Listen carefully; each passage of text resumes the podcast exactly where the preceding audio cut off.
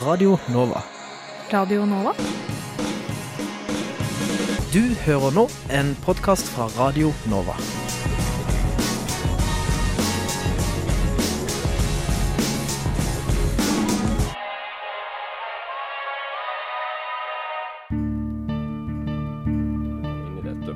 Hovedspørsmålet det hadde vært siden eh, Noam Chomsky etablerte den greina lingvistikken som, som jeg befinner meg Vi håper jo på bredest mulig oppslutning om SV, og jeg tror at det eneste som kan få norsk løsner båndene mellom staten og kirka, og forhåpentligvis fører til tettere bånd mellom kirka og folk. Så hadde de gjort som andre fjøringsbevegelser i verden, hadde de helt legitimt kanskje tatt i våpen. Og, og så direkte skildring av menneskeskjebner tror jeg ikke vi har sett i noen annen nyhetsdekning av noen annen terroraksjon. Det er såpass store forskjeller mellom den kalde krigen, hvor det var to supermakter som sto mot hverandre, eh, og den situasjonen vi har i dag. Du hører på samfunns- og aktualitetsmagasinet Opplysningen 99,3 på Radio Nova. Opplysningen 99,3 på Radio Nova.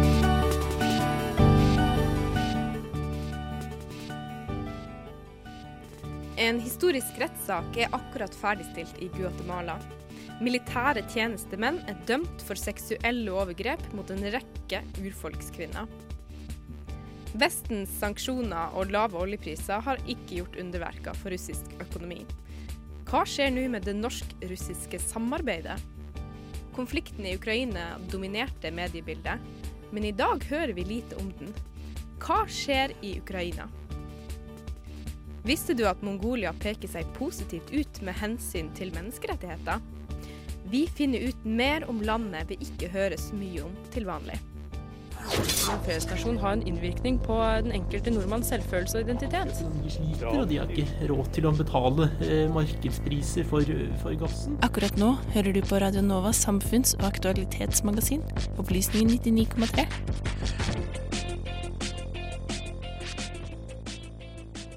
Velkommen til Opplysninga 99,3. I dagens sending gløtter vi fram fra bakgardinene i studio på Chateau Neuf på Majorstua og ser ut i verden. Vi gir deg saker om asiatiske, europeiske og søramerikanske land. Noen kjenner du kanskje godt, og andre vet du kanskje mindre om. Vi håper uansett at du tar med deg noe nytt fra dagens sending. Aller først skal vi til Ukraina. Høsten 2013 var det store demonstrasjoner i Ukraina. Den prorussiske presidenten Janukovitsj ønska et godt forhold til EU, men da EU foreslo en frihandelsavtale med Ukraina, måtte han velge side mellom EU og Russland. Det ultimatumet la grunnlag for splittelser innad i Ukraina. EU-tilhengere tok til gatene etter at president Janukovitsj avviste EUs forslag og skrev under en avtale med Russland i stedet. Så ble han avsatt, noe som skapte reaksjoner fra prorussisk side. Prorussiske separatister tok kontrollen over Krim i februar 2014, og Russland annekterte den like etter. Alle disse hendelsene dominerte mediebildet, men våren 2016 hører vi lite om denne konflikten. Hva skjer i Ukraina nå? Med oss på telefon for å belyse det her, har vi Jan Ivar Bjørnflaten, professor ved Universitetet i Oslo. Velkommen. Takk skal du ha. Aller først, hvor går skillelinjene i konflikten i Ukraina i dag? Ja, Når man tenker på de, sånn, de militære tingene, så går det jo mellom de to østligste provinsene i Ukraina og resten av Ukraina. Hvor de militære konfliktene har vært. da. Men ellers så er det jo selvfølgelig en, en dragkamp mellom de som ser for seg en nærmere fortsatt nær, fortsatt nær tilknyttet til Russland, de som da ser for seg og det, flertall, det viser ikke som det er flertallet, som ser for seg en nærmere tilknytning til Vest-Europa og til, ikke minst til EU. Norske medier liker å snakke om konflikter innad i regjeringen og samarbeidspartiene i Norge. Men i Ukraina så krangler de i en helt annen divisjon. Hvorfor er det så stor misnøye med regjeringa? Ja, Det er mange årsaker til det. For det første så har jo Petrosjenko gjort uh, seriøse forsøk på å bli kvitt korrupsjon og andre uhumskheter i regjeringsapparatet. Men det har vist seg vanskeligere enn kanskje han trodde. Og til og med en, en som en, litauersk, en ukrainer av litauisk avstamning som fungerer som finansminister, truet med å trekke seg i og med at han fikk beskjed om å ansette personer som var tilhørte andre deler av maktapparatet, for liksom å eh, opprettholde iallfall ikke den, den spesielt gjennomsiktige strukturen. Slik at Det er nok ingen tvil om at korrupsjon preger maktapparatet og hele det ukrainske, ukrainske samfunnet, kanskje i enda større grad enn det gjør i Russland. og Det er selvfølgelig den absolutt største utfordringen for dem. Korrupsjon er jo, som du sier, et stort eh, problem. Men eh, hvordan går det nå med antikorrupsjonsarbeidet? Nei, det virker, De har jo gjort, truffet visse tiltak, men det virker jo som det ikke gått spesielt fort fremover. Som jeg nevnte, så var jo da altså den litauiske finansministeren Litauen jobbet som finansminister. Han truet med å trekke seg fordi han ble utsatt for press i den, den anledning. Så hele, hele systemet i Ukraina som i Russland er jo preget av at de som har makt, har også penger. Og at og, og, oligarkene, de rike, rike mennene, har enten sett seg selv valgt inn i parlamentet enn har fått sine stråmenn til stor grad valgt inn i parlamentet. Så det å skille politikk og økonomisk makt er veldig vanskelig. Og der har det nok et godt stykke å gå fremdeles, tenker jeg. Russlands innblanding i Ukraina har blitt kalt en informasjonskrig. Hvem gagner det nå at konflikten får mindre oppmerksomhet i mediene? Ja, det kan du si. Nå har det, det På kort sikt kan det være vanskelig å si. For nå har vist seg at det har, etter Minsk-avtalen så har det jo stilnet av langs fronten i det østlige, østlige Ukraina. Men det virker jo som om det er visse bevegelser eh, der. og det kan jo tyder på at russerne holder seg litt i ro i, i nå. Eller de prorussiske opprørerne og russerne selv holder seg litt i ro for øyeblikket. Og de spekulerer vel litt, litt, i også om de vestlige sanksjonene overfor Moskva skal bli opphevet hvis det viser seg å være rolig over en større periode. En, en, rolig, en, større ro i en større periode kan bidra til at de vestlige landene blir mindre enige om å opprettholde sanksjoner overfor Moskva. Mm, så det kan være en fordel for russiske myndigheter? Det kan være en fordel for russiske myndigheter, ja. Vil du si at konflikten er fastfrosset? Det virker jo, Militært så virker den som å være fastfrosset. Men det er klart at russerne kan jo på ethvert tidspunkt eh, øke intensiteten og eh, presse på myndighetene i, Kiev. Og det er vel trolig at de vil gjøre det dersom Ukrainas tilknytning til EU på en eller annen måte blir styrket i fremtiden. Det kan være fare for det. Det er også eh, Nå ønsker jo ukrainske myndigheter også en nærmere tilknytning til Nato. Det vil kanskje også gjøre denne konflikten vanskeligere? Det er helt klart. Én ting er EU, men Nato vil være noe helt annet. Eh, når russerne har motsatt seg at Ukraina skulle nærme seg EU, så vil det være enda mye mer provo provokativt for dem at Ukraina skulle søke medlemskap i Nato. Men det er vel neppe aktuelt. I Nato har jo den hovedregelen at et land som har en territorial konflikt med sine naboland, ikke kan tas opp som medlem av Nato. Så Nato-medlemskap ligger langt langt frem i tid. EUs tilknytning er noe mer, mer realistisk på kort sikt. Nettopp. Men hva kan den, det internasjonale samfunnet gjøre for å løse denne konflikten? Ja, Man må jo prøve å få litt orden på de to, de to østligste uh, provinsene. Da har jo det ukrainske parlament gått med på å innrømme dem en viss grad av selvstyre som egne, ikke republikker, men områder innenfor Ukraina. Men det har jo ennå ikke gått gjennom i parlamentet. Og Der er det mange ukrainere, som, spesielt fra Vest-Ukraina, som motsetter seg dette veldig kraftig. Og Der har de altså jobbet med saken, og det er så formelt ved, eller planene for å innvilge de østlig, to østligste provinsene selvstyre er vel fremlagt, men de er ikke gått gjennom i parlamentet. Så innad i Ukraina så gjør man altså tiltak for å, for å bedre situasjonen? Det gjør man selvfølgelig, men man, men man har, jo ikke, man har jo ikke anerkjent Fortsatt så mener man jo at Krim er under russisk okkupasjon. og Regjeringen i, i Kiev har jo ikke godkjent Russlands anneksjon av, av Krim. Så der er jo et åpent sår, sammen med de, de, de, de urolige forholdene i de to østligste provinsene. Gjør eh, det internasjonale samfunnet noe for å bedre denne situasjonen? De har vel prøvd å hjelpe Ukraina så godt de kan, men det er vanskelig å yte hjelp til et land som er såpass korrupt som Ukraina. Hvordan kan man vite at de hjelpen man gir, havner i de riktige, riktige lommer, så å si? Hva er framtida for de som bor på Krimhalvøya nå? Jeg tror nok at uh, Krim er tapt for Ukraina for i overskuelig fremtid. Det må skje noe helt dramatisk for at Krim skal komme tilbake til Ukraina.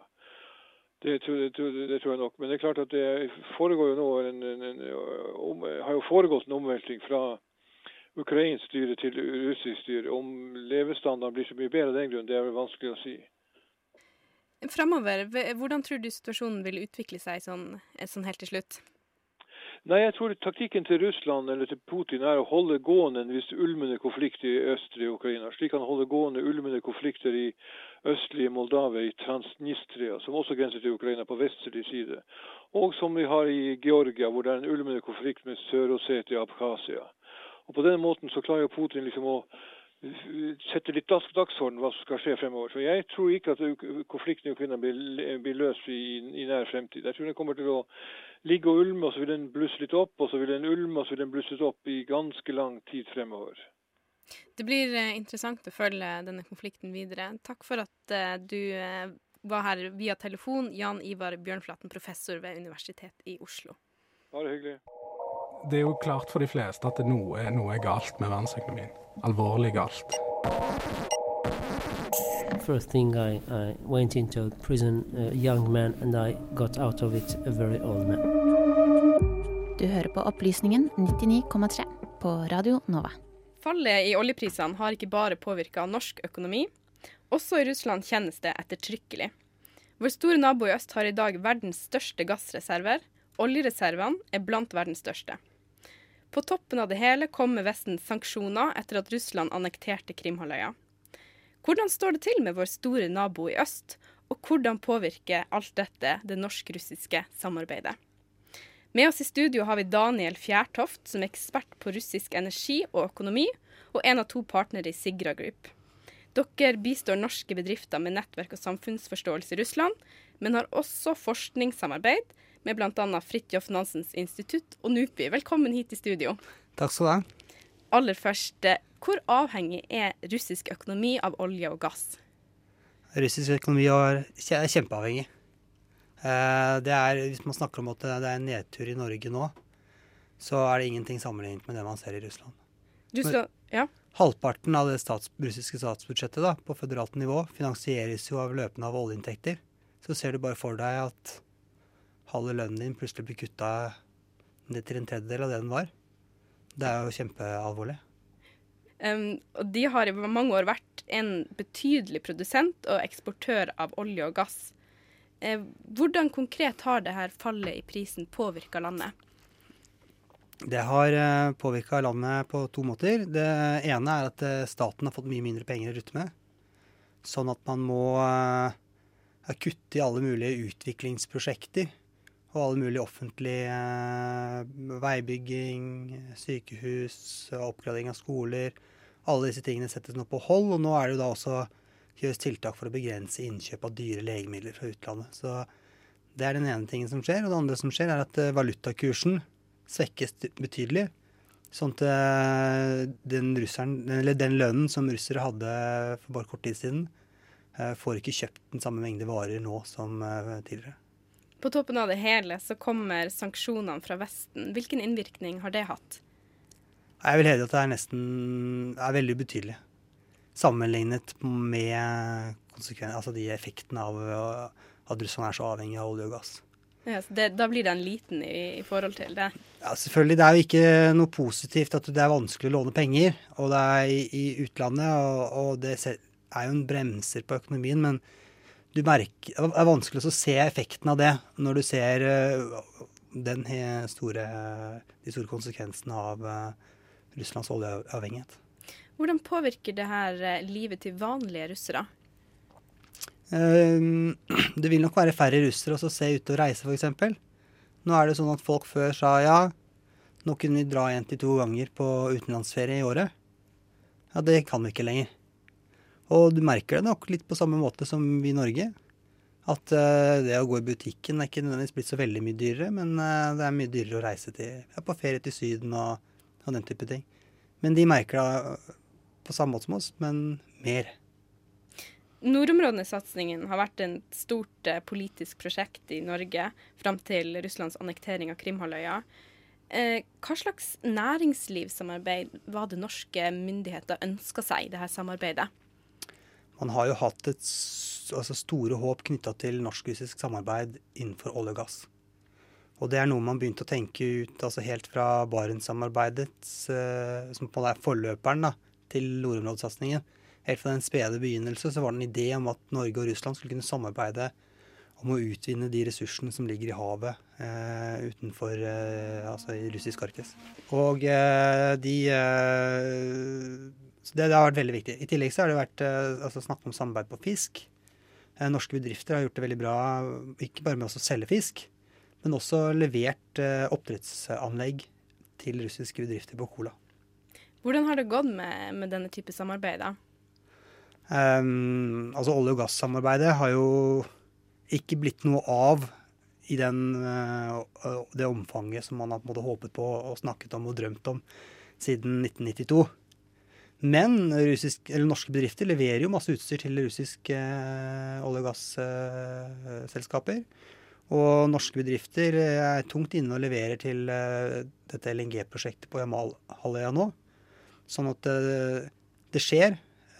Og det også skjer mye, men det skjer kanskje ikke akkurat der og i det omfanget som man eh, la til grunn i, for politiske strategier. Da. Hvor stor er egentlig den russiske interessen for, eh, for dette samarbeidet? Um, det er, på den ene siden så er den stor, på den andre siden er den liten. Det er viktig å huske på at Norge vi er et bitte, bitte lite land, og Russland er kjempestort. Og uh, Russland er jo utrolig mye viktigere for oss som nasjon enn det Norge er for Russland som nasjon.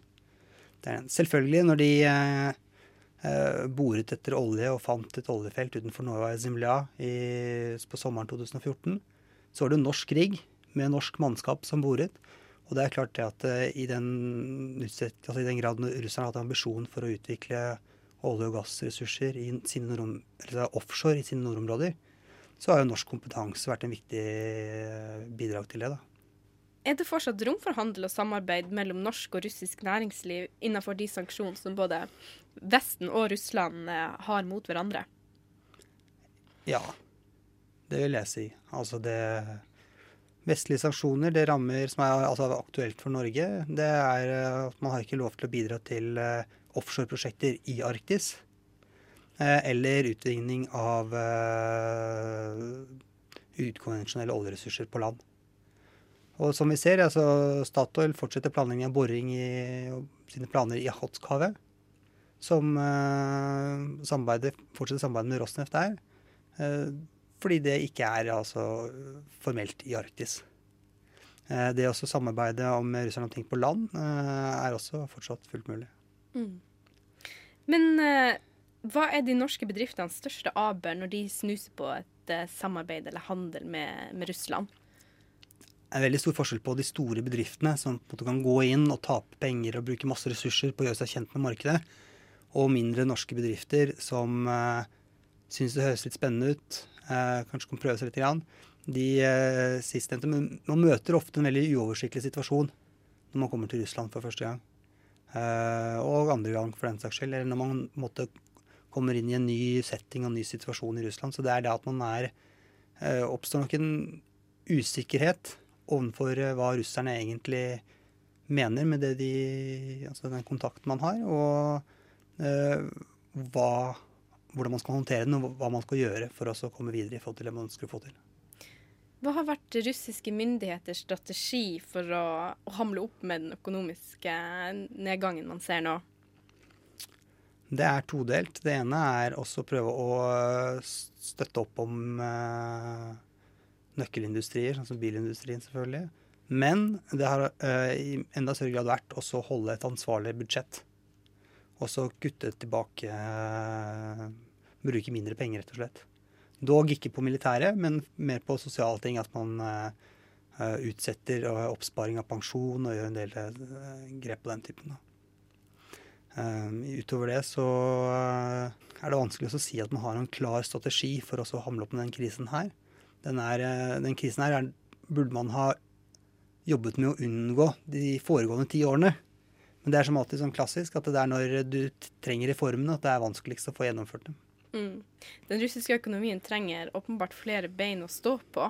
Hva, hvilke muligheter har de? Uh, Russland er et uh, kjemperikt land når det gjelder naturressurser. Og det kommer til å være viktig for Russland uh, i overskuelig framtid. Det de må få mer ut av, er å få mer verdi ut av skogen sin. Få mer verdi ut av mineralene sine. Få mer verdi ut av eh, og produsere det videre til metaller. Høyere kvalitetsstål. Eh, de er jo Må nevnes at Russland er jo blitt, eh, vel, om det var i fjor eller når det var, verdens største eksportør av hvete. Så jordbruket i Russland full, har vært på full frammarsj de senere årene. Så det at Russland har helt åpenbart mange bein de kan stå på. Men som i Norge så er det jo veldig behagelig også å stå på oljebenet.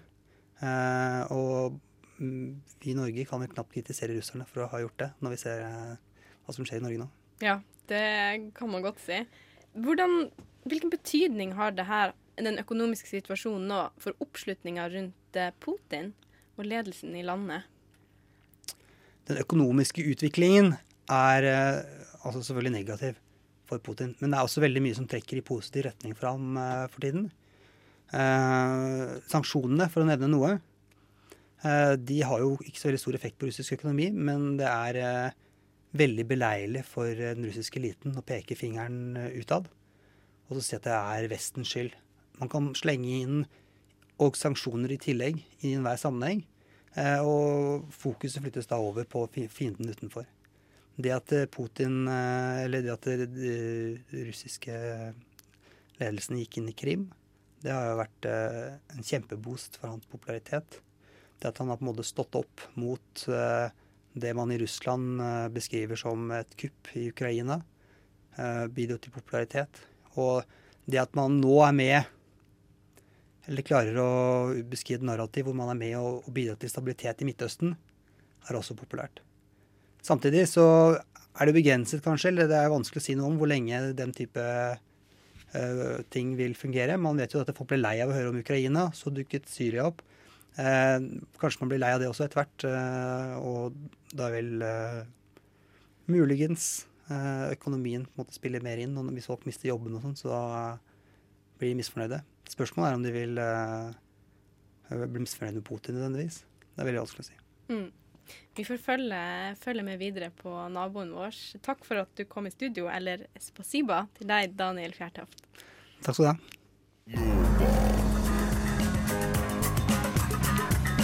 Akkurat nå hører du på en podkast fra Radio Nova.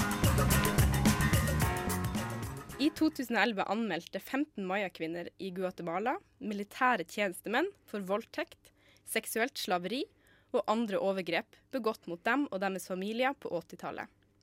Natt til lørdag norsk tid falt dommen. Dette er en av ytterst få saker der voldtekt i krigstid blir behandla av nasjonale domstoler i landet hvor forbrytelsen er blitt begått. Saken vil kunne skape internasjonal presedens, mener Fokus, Forum for kvinner og utviklingsspørsmål. Med oss i studio for å gi oss nærmere innsikt i saken, har vi deg, Marianne Gulli, programrådgiver i Fokus. Velkommen hit. Takk skal du ha. Aller først, hva er det som er bakgrunnen for denne rettssaken? Bakgrunnen for denne rettssaken er Den mest umiddelbare bakgrunnen er den 36 år lange væpnede konflikten som eh, landet befant seg i på mellom ja, på 70, 80, 60, 70, 80 og begynnelsen av 90-tallet. Eh, den mer større bakgrunnen er et samfunn preget av eh, mye rasisme, mye ekskludering og marginalisering av bl.a. urfolk, eh, småbønder, eh, rurale, eh, fattige befolkningen i landet. Eh, fredsavtalen, altså etter den væpnede konflikten, ble undertegnet i 1996. og det er først nå i dag man begynner å se at flere av de overgrepene som ble begått under konflikten eller under krigen, eh, når det rettsapparatet, eller når domstolene.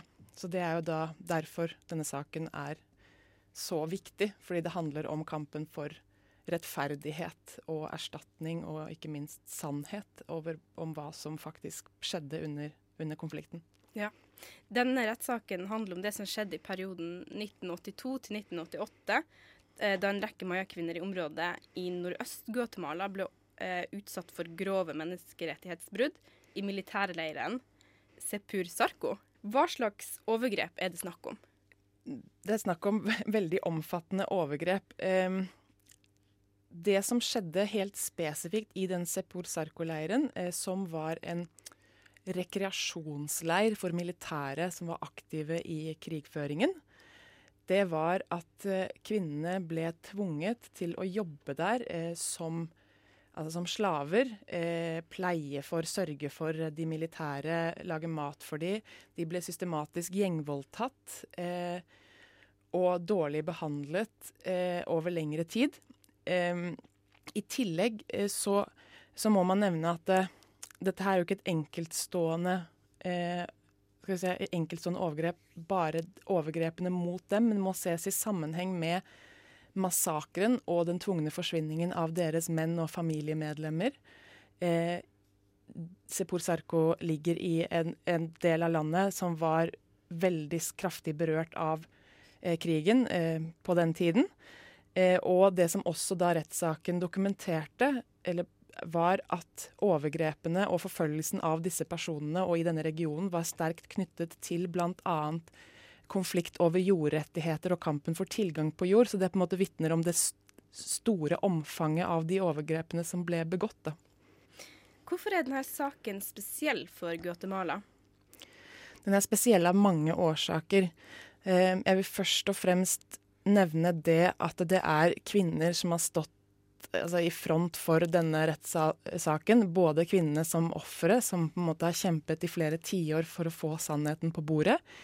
Det er kvinnelige forsvars, nei, eh, eh, bistandsadvokater eh, som støtter dem, og et bredt nettverk av kvinneorganisasjoner både i Guatemala og utenfor Guatemala som står sammen med, med disse kvinnene og har støttet dem både i forkant av og under rettssaken, og ikke minst også en kvinnelig dommer. Så dette her er et ordentlig altså Et resultat av den langvarige, det langvarige arbeidet til kvinneorganisasjoner i Guatemala og i flere andre land.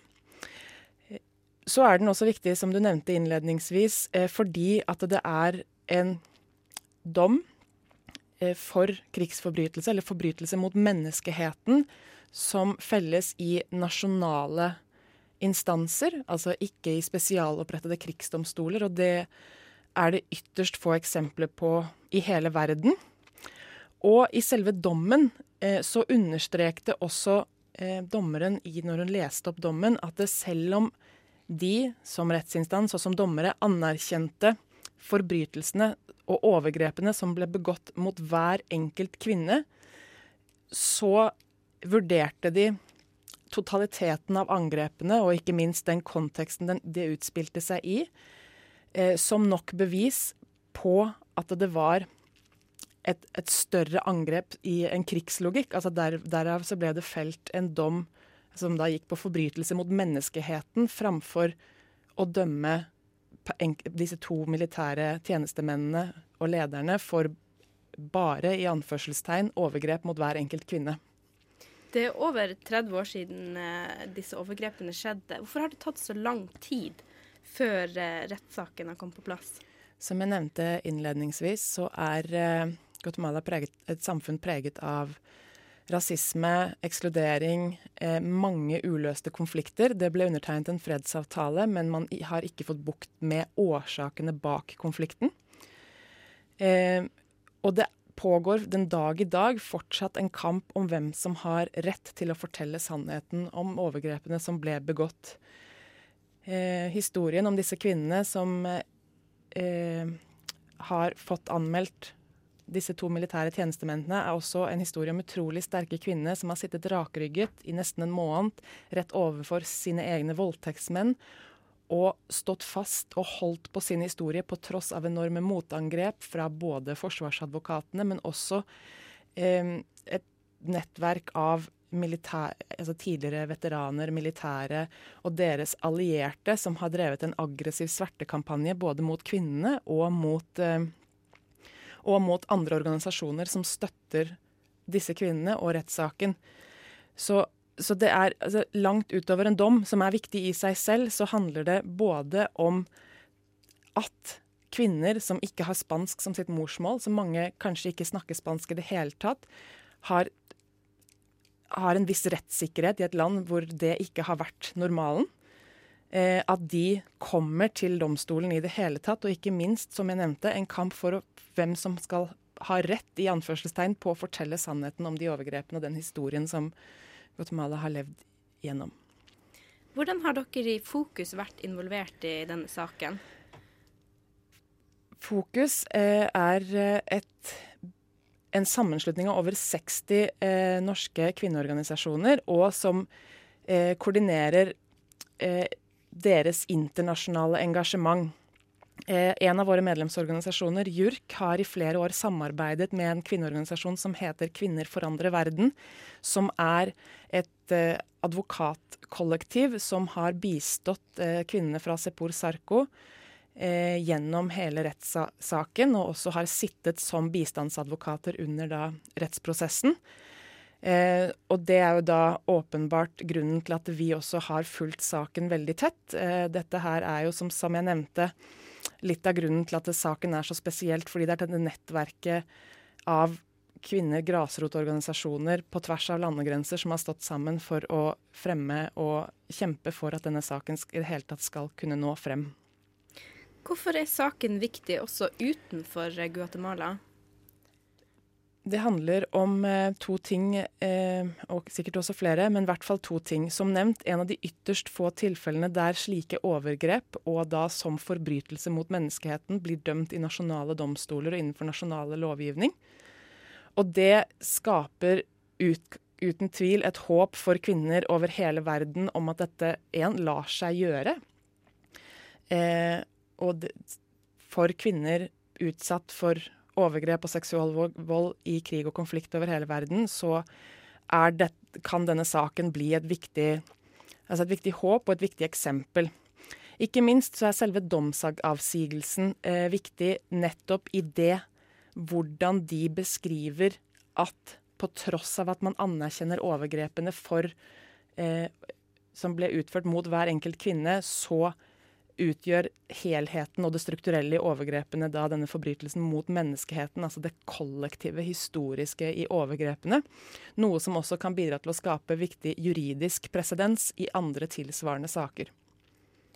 Det var så mye vi rakk denne gangen. Tusen takk for at du kom i studio, Marianne Gulli, programrådgiver i Fokus. Tusen takk.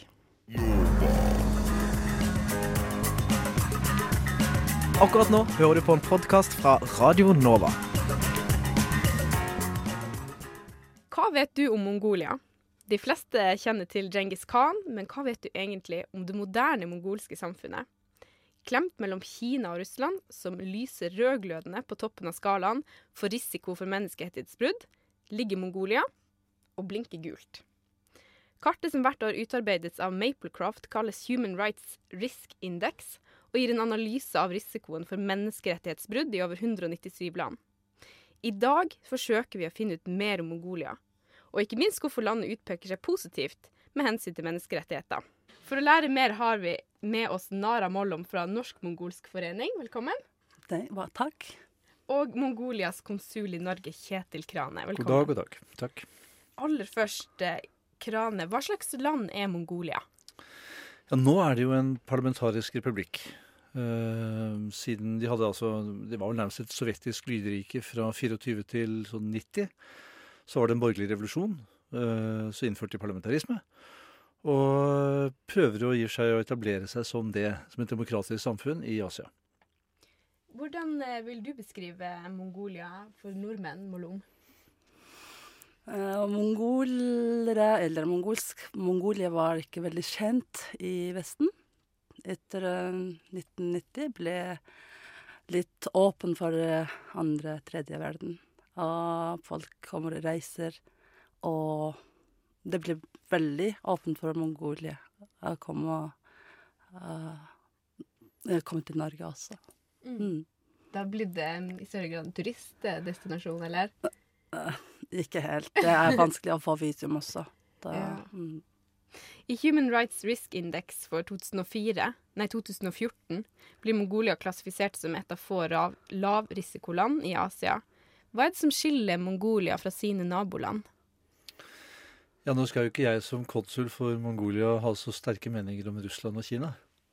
Eh, det ville være feil. Men eh, jeg tror det interessante er at, at Mongolia prøver altså det er, det er, mye som er galt med Mongolia. De har mange problemer. De har langt igjen overgangen fra et kommunistisk samfunn, eller i hvert fall i navnet, eh, med ettpartistat og, og femårsplaner og, og alt som hører til, over til et, et eh, parlamentarisk demokrati, førte jo til at de økonomisk gikk fra å være kommunistisk til å bli frikapitalistisk. Fra den ene grøfta til den andre.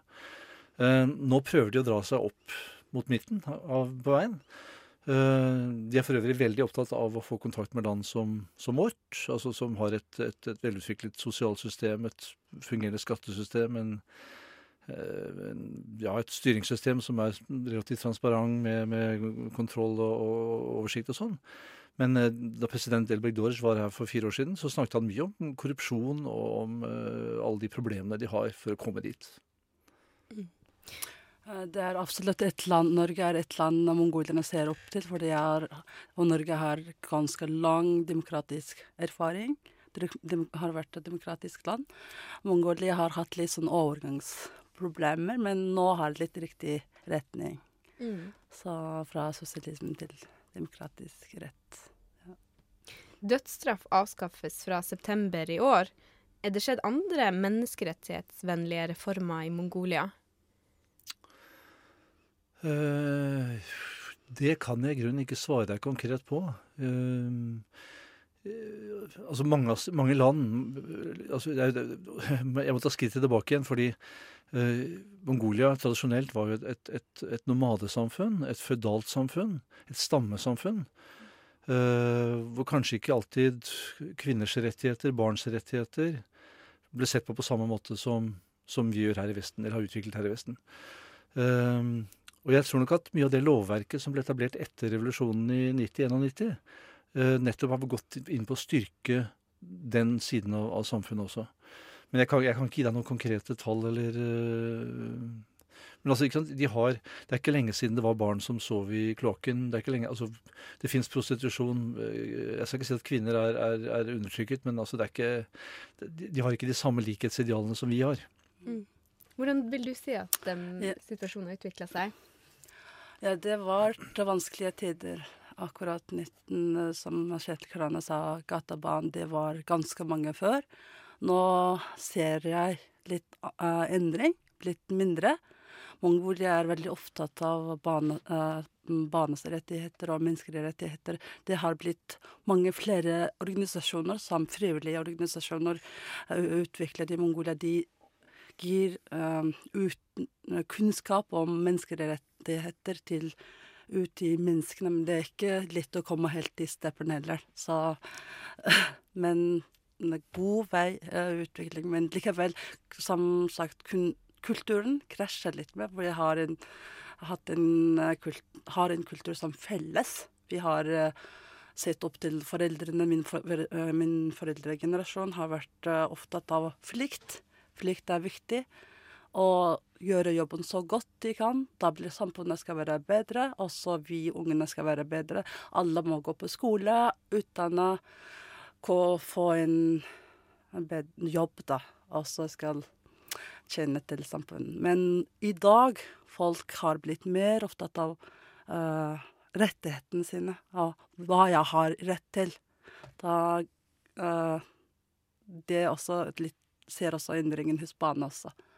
At uh, de er fri til å si hva de mener til foreldrene sine.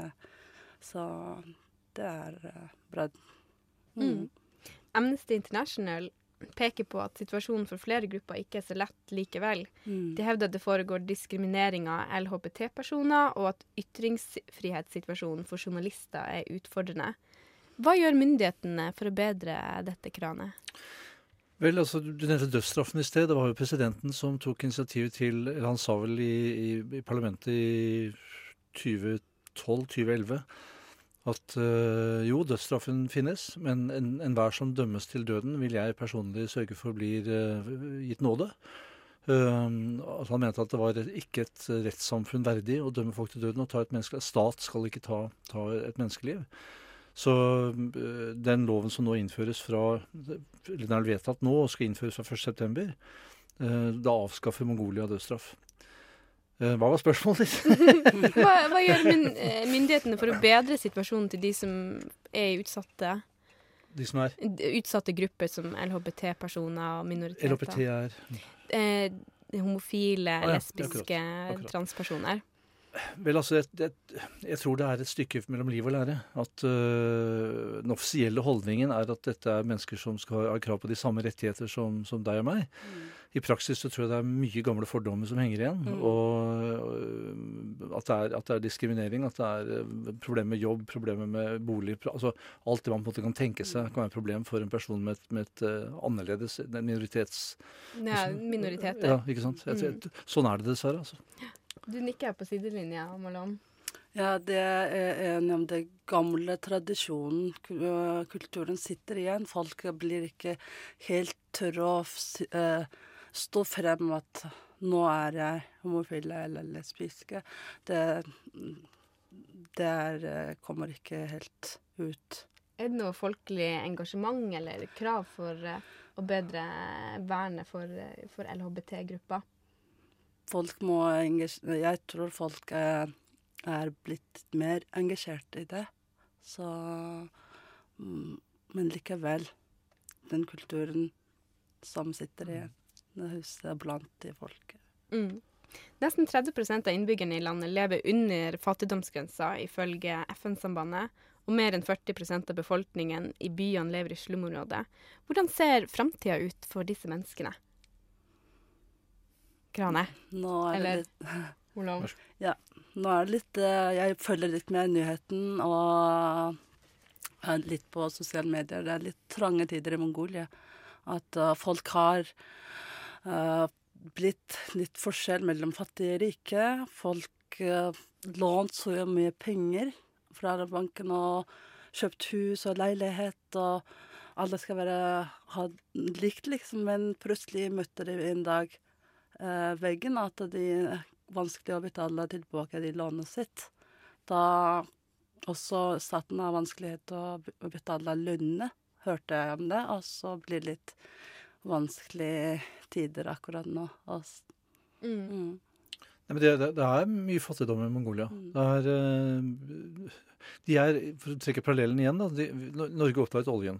Vi var et av de fattigere landene i Europa. Vi oppdaget oljen. Og øh, regjeringene vi hadde på 80-tallet, brukte jo penger som, som hva man sier, en full sjømann. Eh, vi hadde inflasjon på 15 eller noe sånt, og rentenivået på bankene var oppe i 20 Bank, Kredittbanken gikk konkurs.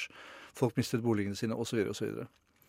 Uh, etter det så har vi lært at oljefondet skal belastes med inntil 4% årlig, ikke mer. Eh, Mongolia er litt der hvor de, de trodde de skulle bli altså De er jo lutfattige, men de er steinrike. De Mm. sitter på vanvittig mye mineraler og ting som er uh, sjeldne og verdifulle. Og de store, store internasjonale firmaene har kommet inn og skal grave og tjene penger, og de pengene går rett ut igjen. De brukes. Altså Dels er det sikkert mye korrupsjon hvor pengene blir borte, men, eh, men de pengene som går inn i statskassen, de går rett ut igjen. Og så faller markedet for mineraler, som det har gjort for fem-seks år siden. Og så faller statens inntekter, og så sitter man med en masse forpliktelser og en masse oppgaver som ikke lar seg løse. Eh, Det er det ene. Det andre er det jeg nevnte innledningsvis, det med, med overgang fra, fra, et, fra femårsplaner og kommuniststyre til, til frikapitalisme. Hvor mange nomader trodde at de skulle bli De fikk overta eiendomsretten til, til eh, bølingene og trodde de skulle bli steinrike. Alle skulle selge kasjmirull.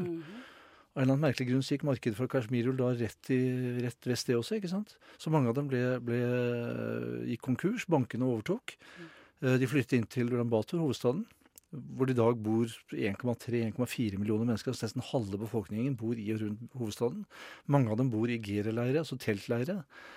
Eh, hvor, de, hvor si, det sosiale systemet nesten ikke finnes. Hvor det ikke, altså vann og, og strøm og alt det som man oppfatter som basale behov, eh, er dårlig, eh, dårlig dekket. Slik at det er masse fattigdom, masse alkoholisme, mange menn som, som drikker seg i hjel, altså prostitusjon. Du har, liksom, du har hele raden av sosiale problemer. Uh, og dette er jo klart, dette er en utfordring for, for regjering, og for, både for byregjering og for, for nasjonalregjering. Og de, de prøver faktisk litt å løfte seg selv etter håret. Eh, om de lykkes, vil jo tiden vise, men, men de, de snakker åpent om problemene.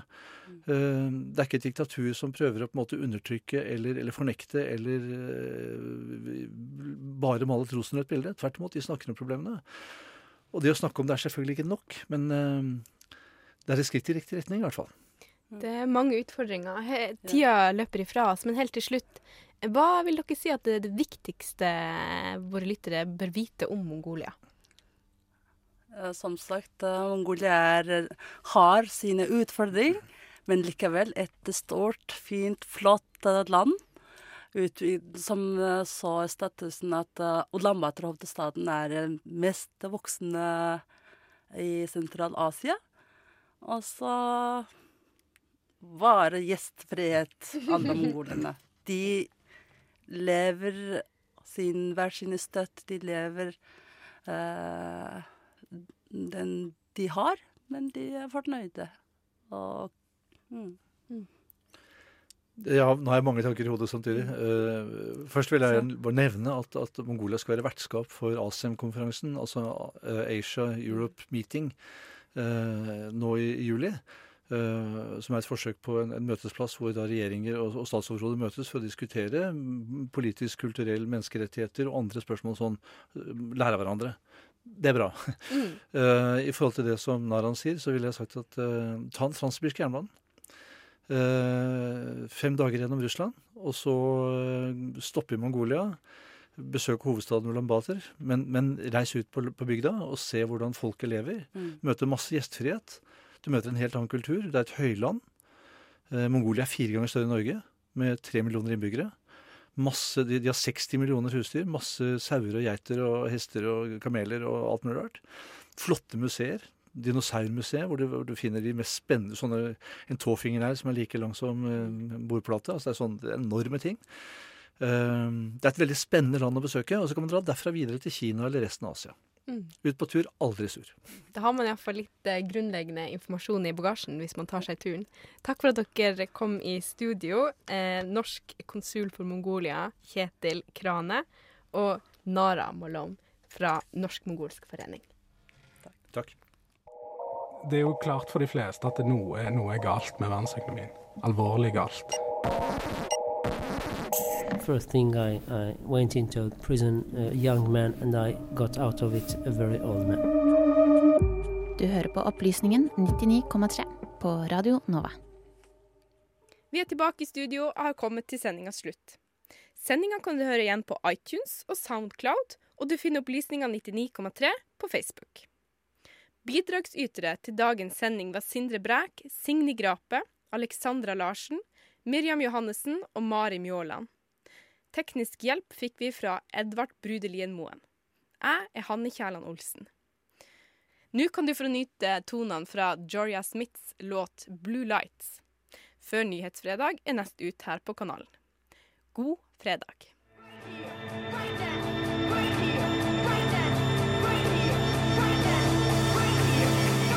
Radio Nova. Du har hørt en podkast fra Radio Nova. Likte du det du hørte? Du finner flere podkaster i iTunes og på radionova.no.